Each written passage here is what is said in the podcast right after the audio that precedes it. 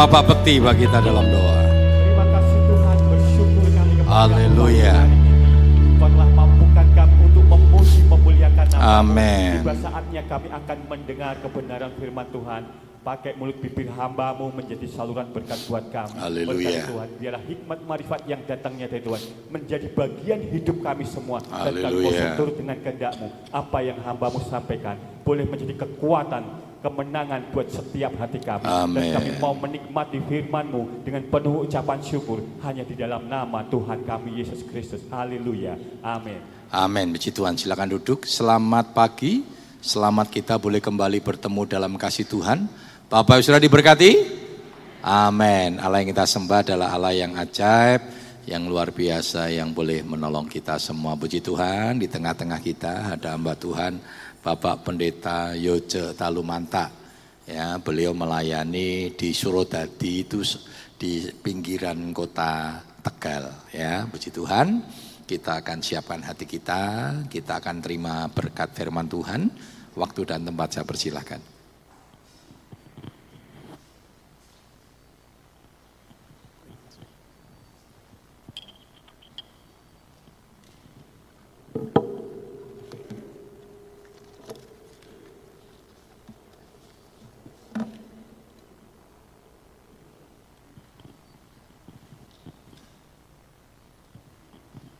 Puji Tuhan, salam sejahtera untuk kita semua.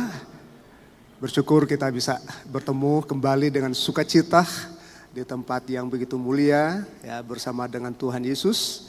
Eh, kami pribadi kita tiba dengan selamat dari Tegal dan puji Tuhan bisa bertemu dengan jemaat bahkan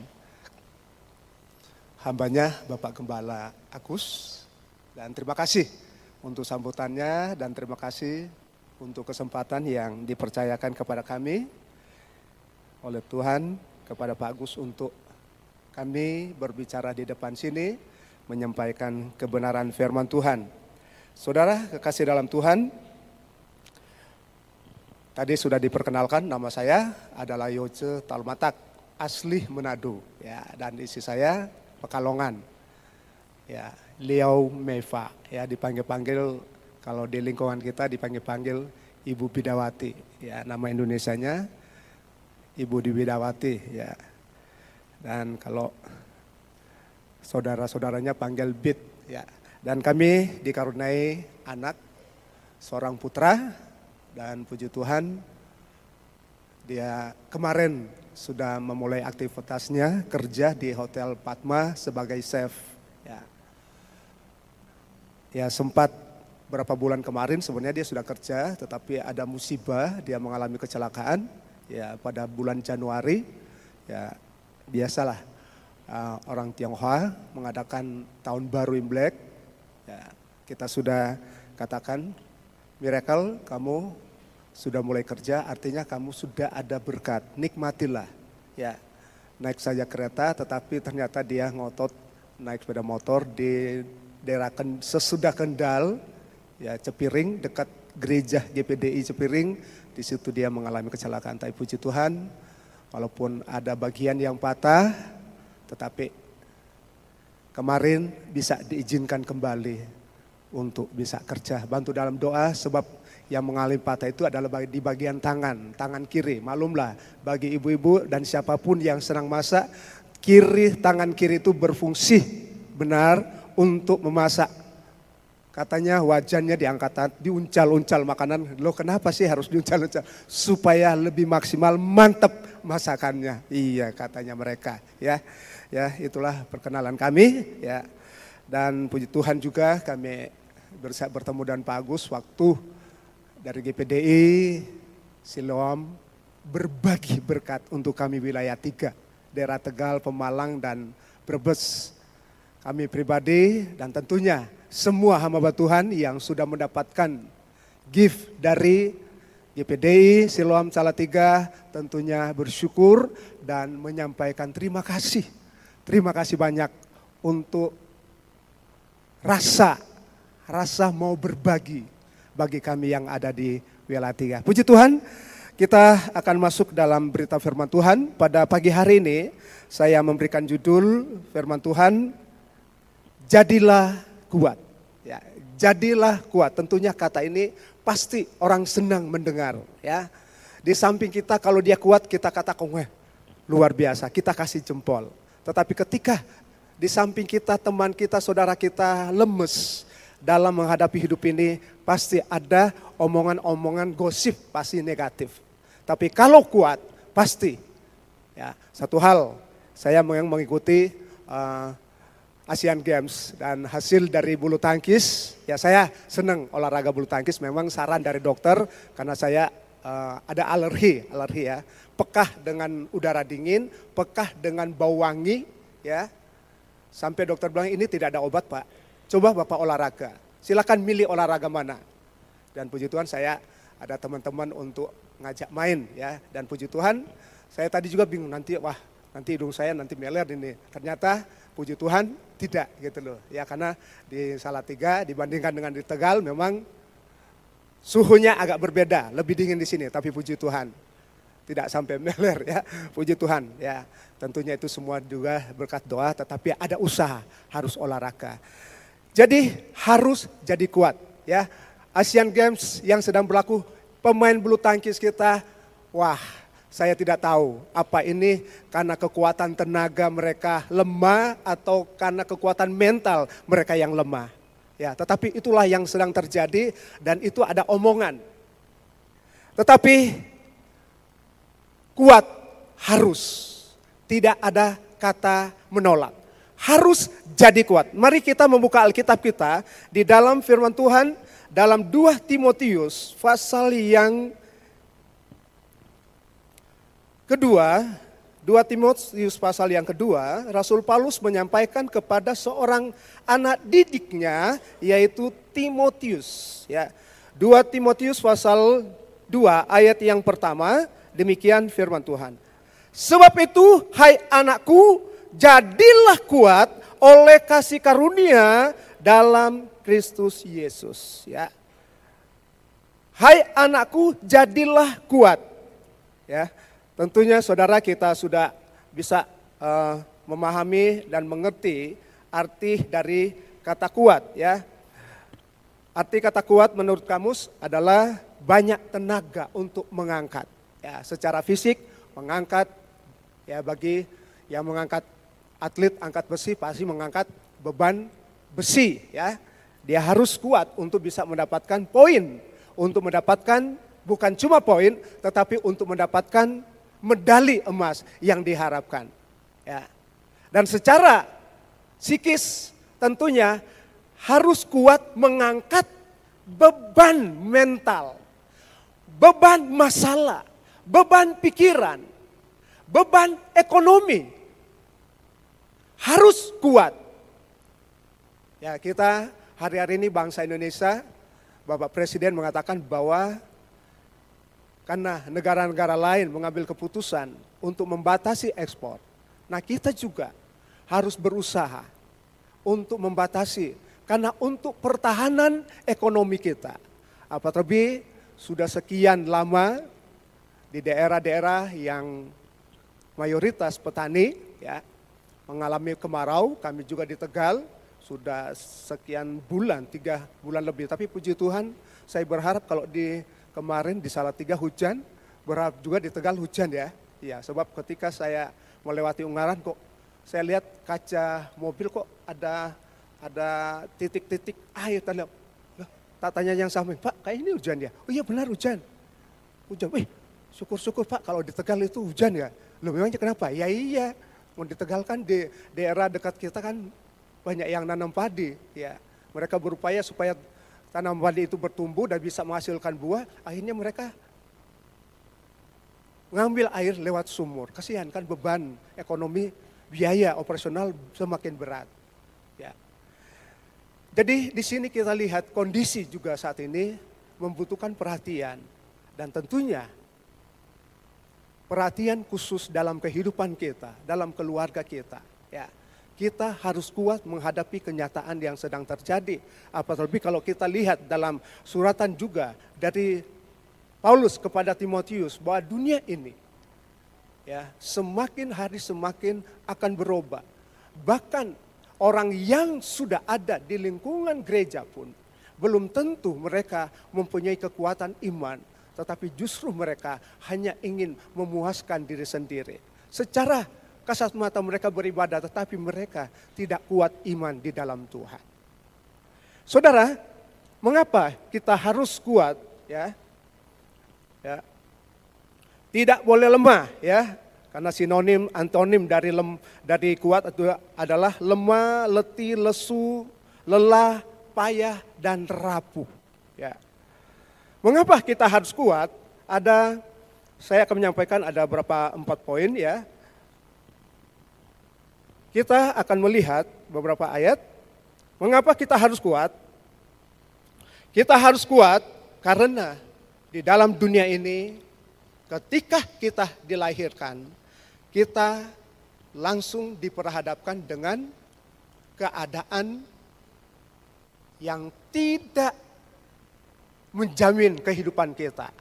Ya. Karena kita lihat di dalam firman Tuhan di dalam Kejadian pasal 3, ya. Kejadian pasal 3 Saya akan bacakan Kejadian pasal 3 ayat 16. Firmannya kepada perempuan itu, Susah payahmu waktu mengandung akan kubuat sangat banyak. Dengan kesakitan engkau akan melahirkan anakmu, namun engkau akan birahi kepada suamimu dan ia akan berkuasa atasmu.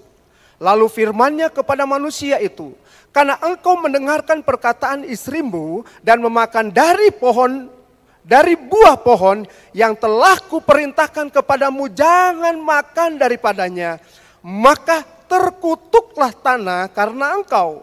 Dengan bersusah payah engkau akan mencari rezekimu dari tanah seumur hidupmu. Semak duri dan rumput duri yang akan dihasilkannya bagimu dan tumbuh-tumbuhan di padang akan menjadi makananmu. Dengan berpeluh engkau akan mencari makananmu sampai engkau kembali lagi menjadi tanah karena dari situlah engkau diambil sebab engkau debu dan engkau akan kembali menjadi debu.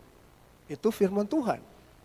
Dan mutlak telah dialami oleh Adam dan Hawa sebagai manusia sebagai suami istri perta pertama. Firman sudah memberikan satu tantangan. Rupanya hidup ini penuh dengan tantangan. Ketika tidak bisa menghadapi satu tantangan, jadi masalah. Ketika tidak bisa mengatasi masalah, menjadi penderitaan. Dan menjadi kesulitan dalam hidup ini.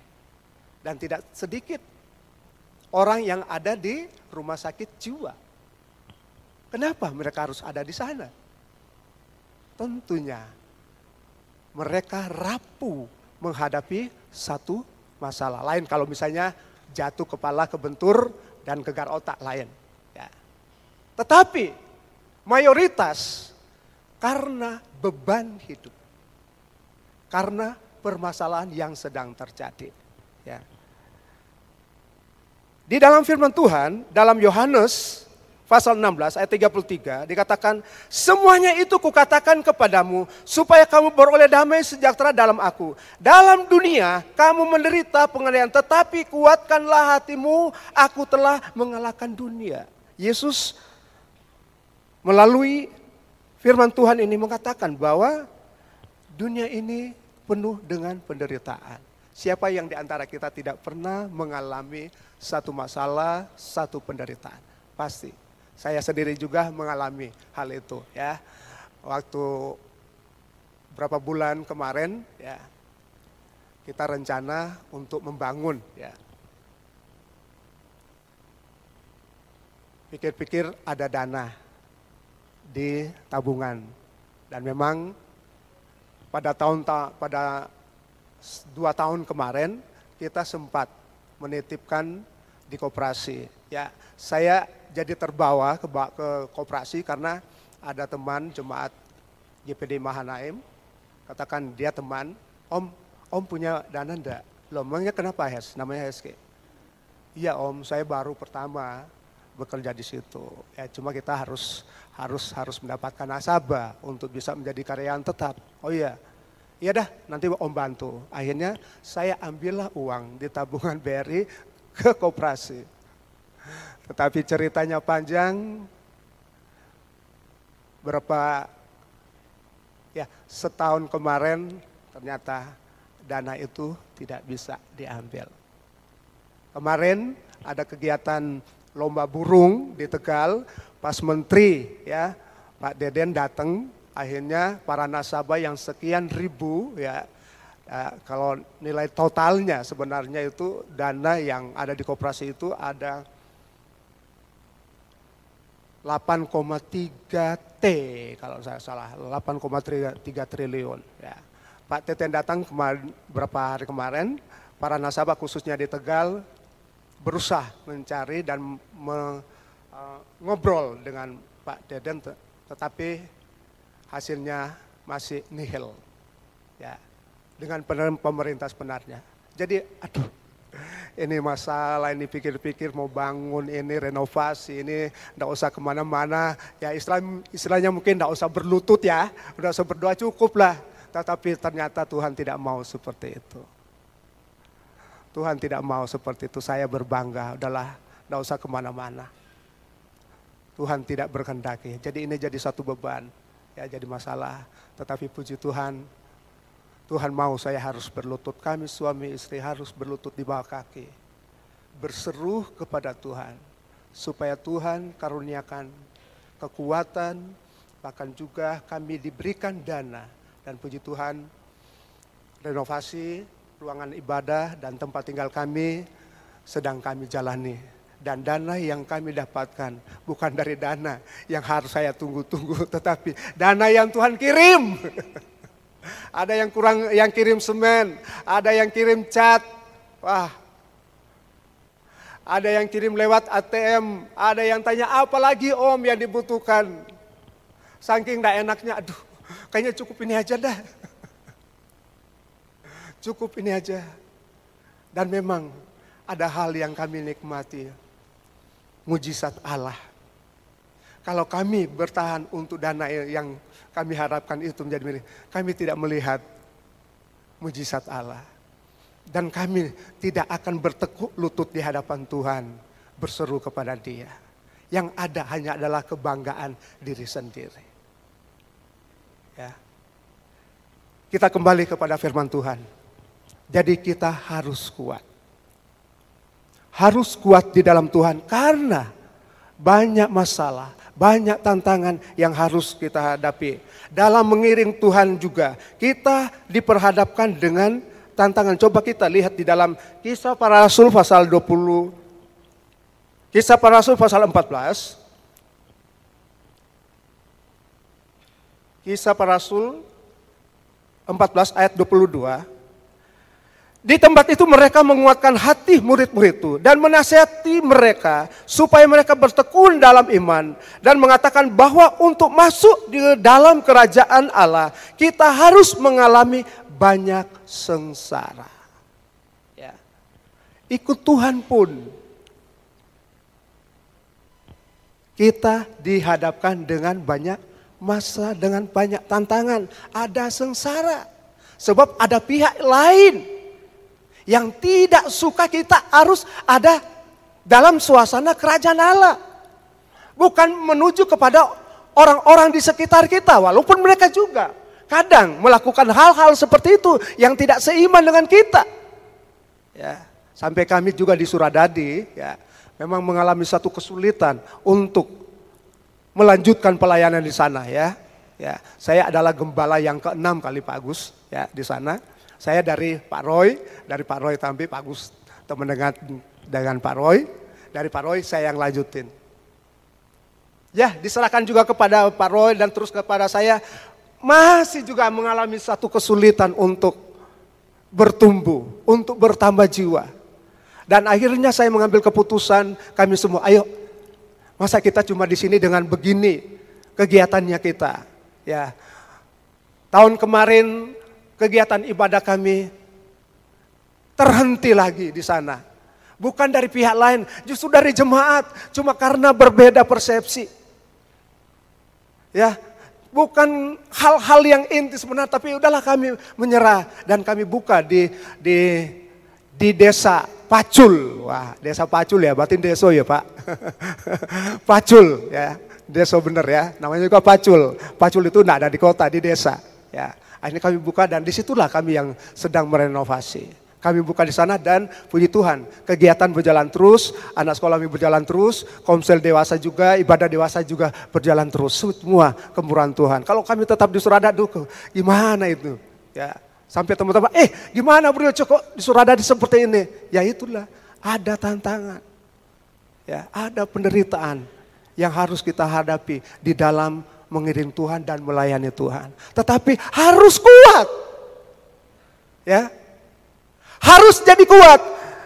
Kita lihat juga, Yesus sendiri mengalami juga hal yang sama.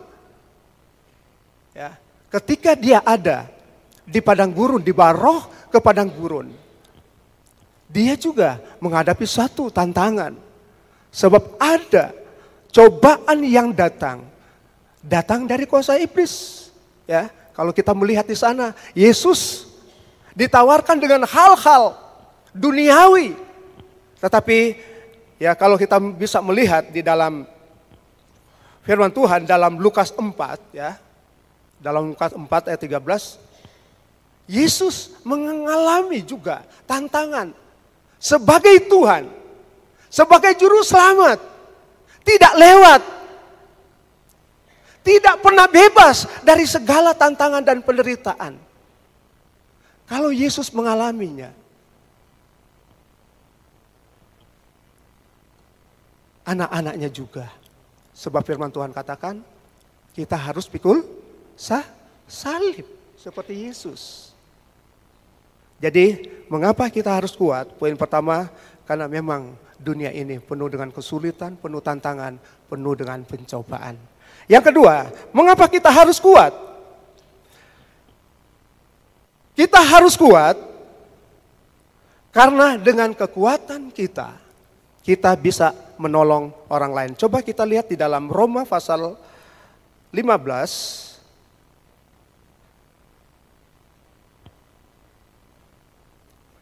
Roma 15 ayat yang ke-1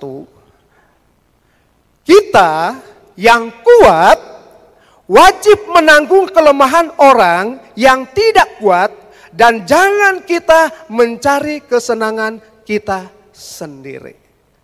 Kita lanjut di dalam ayat selanjutnya di dalam Galatia 6 ayat 1 2 ya Galatia. Saudara-saudara, kalaupun seorang kedapatan melakukan suatu pelanggaran, maka kamu yang rohani harus memimpin orang itu ke jalan yang benar dalam roh lemah lembut sambil menjaga dirimu sendiri supaya kamu juga jangan kena pencobaan. Bertolong-tolonglah menanggung bebanmu. Demikianlah kamu memenuhi hukum Kristus. Jadi kalau kita kuat, karena kita kuat kita mau menolong. Jadi kalau kita kuat jangan egois ya.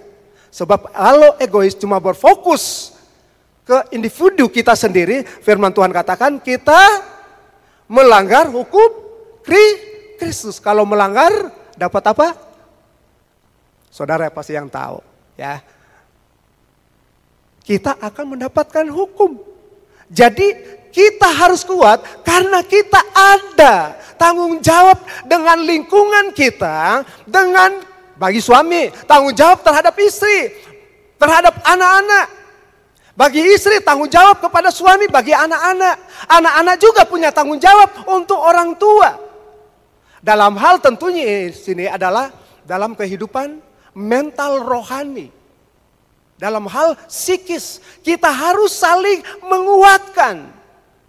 Ya, itu sebabnya ada dalam segala kegiatan kita ada tim do doa. Di sini juga pasti ada tim doa. Dan memang Yesus sudah ajarkan.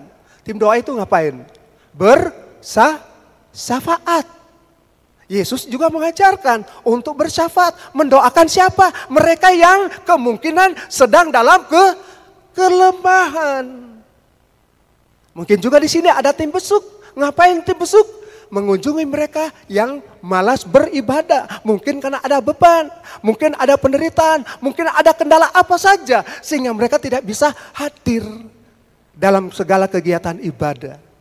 Kesetiaan mereka merosot.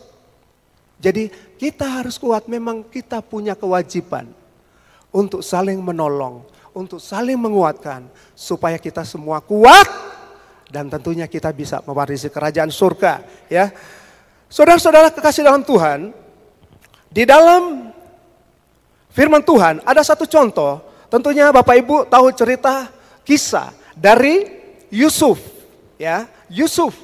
Yusuf bisa menolong saudara-saudaranya, bisa menolong ayahnya yang mengalami kesulitan ekonomi. Kenapa dia bisa menolong? Karena dia punya kekuatan yang luar biasa yang dia peroleh melalui proses dia dijual jadi kayak permen dijual manusia kok dijual ya. Dia dimasukkan di sumur. Dia menjadi pembantu di Potifar, eh di rumahnya di Potifar juga dia sudah melakukan yang terbaik sampai rumah Potifar itu diberkati luar biasa, sampai Pak Potifar juga mempercayakan semua yang ada saya percayakan kepada kamu Yusuf. Eh melakukan yang baik, akhirnya juga berlaporkan melakukan asusila.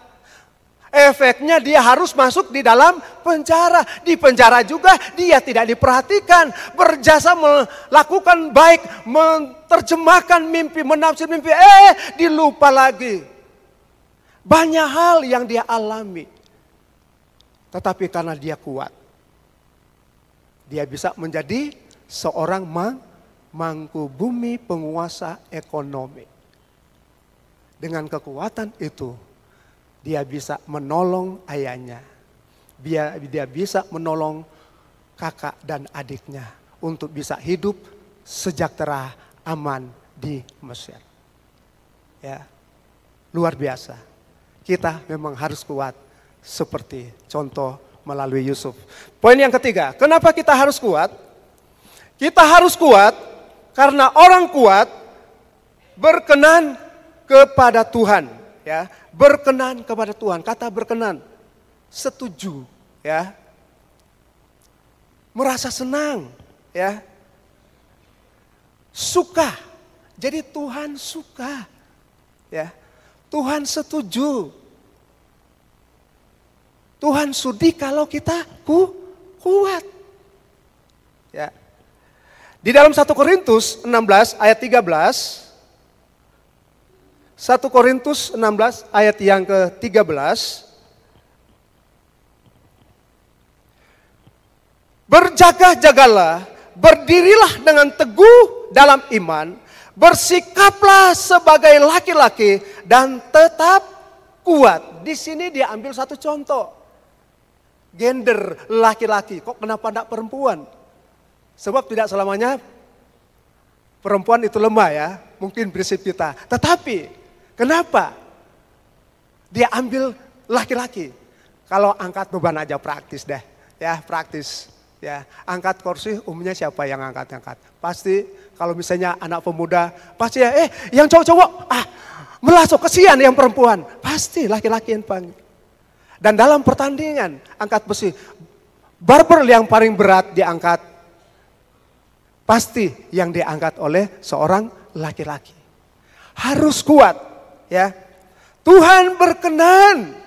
Tuhan suka. Kalau kita kuat, berarti kalau tidak kuat, Tuhan suka enggak? Kalau lemah, suka Tuhan suka enggak? Berarti Tuhan tidak suka. Tuhan tidak mau. Efesus 6 dikatakan harus jadi kuat. Jadi kita harus kuat.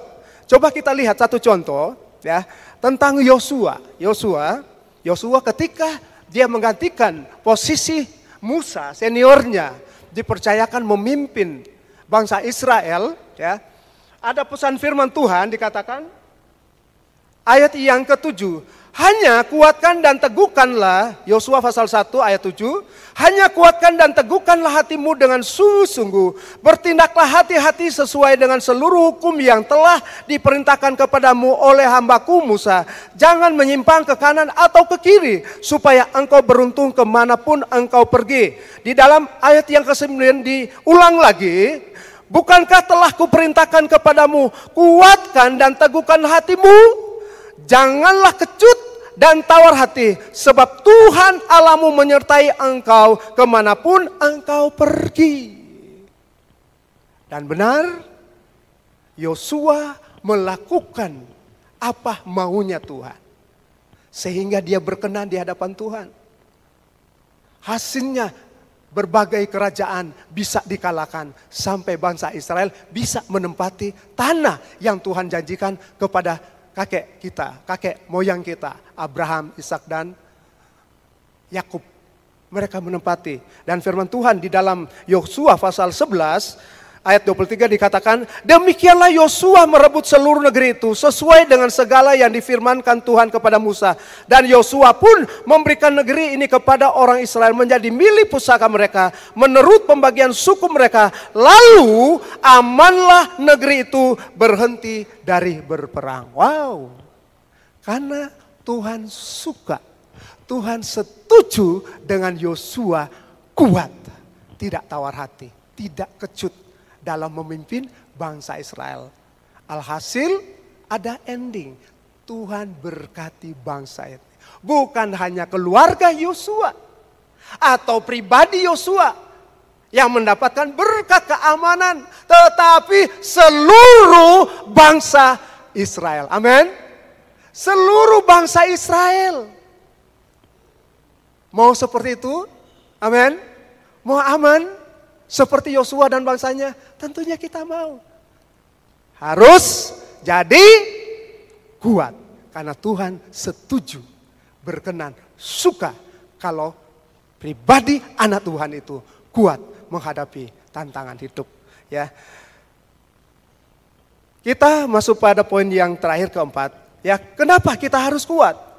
Karena ketika kita kuat, kita memastikan punya pengharapan di dalam Yesus, punya pengharapan yang pasti.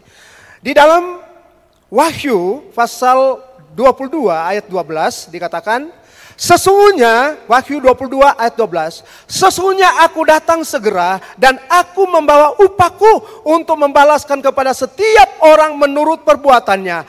Aku adalah Alfa dan Omega, yang pertama dan yang terkemudian, yang awal dan yang akhir. Adalah Allah yang mengatakan bahwa aku datang segera membawa upahku untuk membalaskan kepada setiap orang menurut perbuatannya. Kalau perbuatan yang menunjukkan bahwa dia adalah orang yang kuat. Yang kuat imannya, kuat mental hati dan pikirannya sesuai firman Tuhan. Tuhan memberikan upah. Ada pengharapan di dalam Yesus. Tidak sia-sia kita menjadi kuat, menolong orang lain, mendoakan orang lain, besuk yang lain. Ya, berbagi share firman Tuhan. Kalau hari-hari ini wah luar biasa. Tidak mengalami sulit kalau kita mendapatkan firman yang meneguhkan kita. Ya. Kemudian di dalam 2 Timotius pasal 12, pasal 2 ayat 12, firman Tuhan demikian. Jika kita bertekun, kita pun akan ikut memerintah dengan dia. Jika kita menyangkal dia, dia pun akan menyangkal kita. Garis bawah, jika kita bertekun, kita pun ikut memerintah dia. Kalau kita kuat tekun, tekun itu artinya kuat, semangat terus. Jos terus mengiring Tuhan, melayani Tuhan. Tuhan katakan akan memerintah bersama dengan Tuhan. Wow, kita aja memerintah bersama dengan presiden pasti kita ada kebanggaan. Amin. Pasti ada kebanggaan, ada kesukaan. Apalagi kalau Tuhan sendiri yang mengajak kita, memanggil kita. Ayo kita sama-sama menjadi pemerintah. Memerintah luar biasa. Jadi marilah kita kuat. Karena kita akan mendapatkan upah yang besar. pengharapan di dalam Yesus. Dia akan menghargai setiap pengorbanan kita. Di dalam mengiring Tuhan, dalam melayani Tuhan. Dalam menjadi berkat dalam lingkungan kita, dalam pelayanan kita. Saudara, tentunya untuk menjadi kuat memang tidak gampang. Kita harus butuh asupan. Seperti tubuh fisik kita, kita butuh asupan, gizi makan. Firman Tuhan kita butuh asupan. Kita lihat bahwa di dalam firman Tuhan, di dalam Roma 1 ayat 16 dikatakan bahwa Injil kekuatan Allah. Nah kalau Injil itu ada dalam hidup kita, artinya di dalam itu hidup kita ada kekuatan Allah. Jadi mari kita minta supaya firman itu ada dalam hidup kita. Bukan hanya sekedar kita dengar, tetapi kita berusaha supaya Injil itu, firman itu menjadi rema menyatu dalam hidup kita. Yakinlah ketika firman ada di dalam hidup kita, kita ada kekuatan. Seperti contoh Tuhan Yesus. Waktu mengalahkan iblis, dia pakai apa saudara? Dia pakai apa saudara? Dia pakai fir firman. Firman Tuhan berkata. Firman Tuhan berkata, firman Tuhan berkata. Akhirnya iblis per, pergi berhenti mengganggu kehidupan dari Tuhan Yesus. Jadi sangat penting bagi kita untuk menjadi kuat, kita butuh firman Tuhan. Kiranya firman Tuhan ini menjadi berkat untuk kita. Jadi mengapa kita harus kuat? Karena memang dalam hidup kita banyak tantangan, banyak aniaya dalam mengiring Tuhan, dalam melayani Tuhan, banyak cobaan. Mengapa kita harus kuat? Karena kita ada kewajiban untuk membantu sesama kita yang dalam keadaan lemah, yang imannya sedang menurun, yang sudah tidak setia, yang sudah tidak mau berdoa, yang tidak mau berharap lagi kepada Tuhan. Kita punya kewajiban untuk membantu mereka, membangkitkan mereka. Sebab kalau kita tidak membantu, kita melawan hukum Kristus. Kita harus kuat, kalau kita kuat kita sangat disayang oleh Tuhan. Dan berkat pasti akan mengalir dalam hidup kita. Damai sejahtera akan kita alami dalam hidup kita. Mengapa kita harus kuat? Karena kita akan bersama dengan Yesus dalam kerajaannya. Dalam kerajaan Allah kita akan alami sukacita.